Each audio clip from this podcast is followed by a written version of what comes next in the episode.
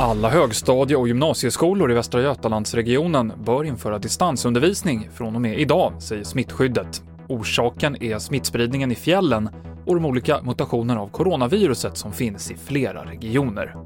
Idag börjar rättegången mot miljardären Karl Hedin som tillsammans med flera personer misstänks ha planerat att skjuta varg. Men det finns inget smoking gun, utan bevisningen bygger på telefonavlyssning, säger vår reporter som är på plats i tingsrätten idag. Polisen har ju haft hemlig telefonavlyssning av flera personer, bland annat Karl Hedin, och där man har samlat flera uttalanden som man på något vargjakt, men sen har man inte kunnat hitta något eh, skjutet djur eller liknande, så det finns liksom inget, inga fysiska bevis i den meningen. Det sa TV4s reporter Magnus Wennerberg. Och efter att delar av en motor lossnade och föll från ett flygplan i USA i helgen så uppmanar nu Boeing flygbolagen som använder den typen av plan och motor att låta dem stå på marken tills vidare, tills man kan göra extra inspektioner. Flygplanstypen används för närvarande bara i USA, Japan och Sydkorea. TV4-nyheterna med Mikael Klintevall.